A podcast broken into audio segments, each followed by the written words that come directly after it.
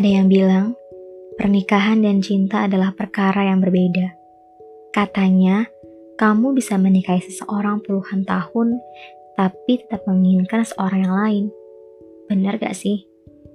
Bagaimana agar kita yakin menikahi orang yang kita cinta dan mencintai orang yang kita nikahi? Dalam Islam, fondasi pernikahan yang utama adalah sakinah, artinya ketenangan marahnya tenang, nasihatnya tenang, sedihnya tenang, apalagi bijaknya. Susah sih, tapi bukan berarti nggak bisa kan? Dan dalam Islam pula, kita percaya bahwa cinta bukan milik kita. Cinta atau mawaddah akan dihadiahkan oleh Allah dalam hati masing-masing pasangan setelah sakinah atau kokoh. Cinta yang milik Allah itu kita harapkan hadir kepada kita dengan cara menjadikan alat penuh cinta sebagai kata kerja terhadap pasangan.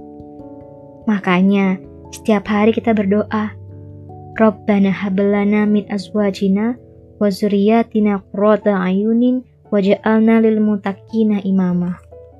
Ya Allah, ya Tuhan kami, anugerahkanlah kepada kami, pasangan kami, dan keturunan kami sebagai penyenang hati kami dan jadikanlah kami sebagai imam bagi orang-orang yang bertakwa.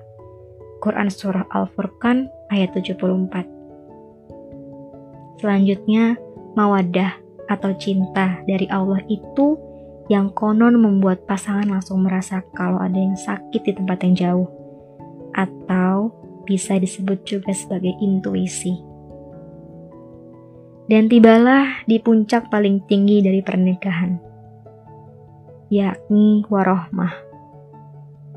Saat kita menua, mulai banyak kekurangan dan perubahan. Saat bisnis yang kita jalani mulai jatuh dan terpuruk. Dan saat menunggu kehadiran keturunan, lalu ada social pressure. Rahmah atau kasih sayang sebuah titipan Allah lah yang selalu bisa memaklumi, selalu bisa menerima, selalu bisa mengangkat dan menguatkan satu sama lain. Jadi intinya, bisa kok menikah sekaligus saling mencintai seumur hidup. Bisa kok terus menumbuhkan cinta sepanjang waktu. Asal kita melibatkan Allah setiap saat.